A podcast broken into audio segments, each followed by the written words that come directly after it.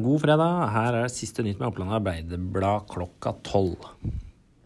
15-åringen som ble forsøkt drept av sin egen far hjemme i hus Dummes på Kapp, ligger fortsatt kritisk skadd til behandling ved Ullevål sykehus i Oslo. Situasjonen er uendra, heter det i en fersk pressemelding fra politiet i Innlandet. Det skal også ha blitt gjort flere beslag i eneboligen hvor faren utøvde vold mot sin sønn på onsdag. OA følger denne saken tett, og oppdaterer selvfølgelig fortløpende med ny informasjon i saken på oa.no. Sigmund Hagen har blitt innstilt av valgkomiteen som ny leder i Gjøvik håndballklubb. Steffen Schirmas er innstilt som ny nestleder. Schirmas har tidligere vært styreleder i forløperen til det som er dagens håndballklubb, altså Gjøvik og Vardal håndballklubb. Eh, disse innstillingene ble eh, presentert under et medlemsmøte i Gjøvik håndballklubb torsdag kveld.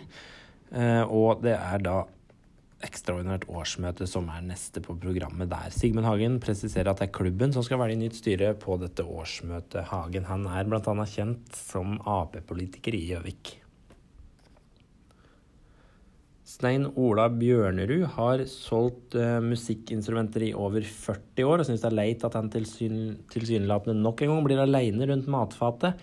Onsdag ettermiddag ble det kjent at 107 ansatte i musikkjeden Foursound risikerer å bli ramma av konkurs etter at selskapet Music Retail Holding og Music Retail Norway har levert konkursbegjæring. Også butikken på Gjøvik kan da bli ramma, etter det OA erfarer er butikken i Gjøvik dratt med i dragsuget av sviktende omsetning i hele kjeden. Les mer om denne saken på oa.no, og klikk deg også inn for en hel haug med andre nyheter fra Vest-Oppland i dag. Ha en fortsatt fin fredag.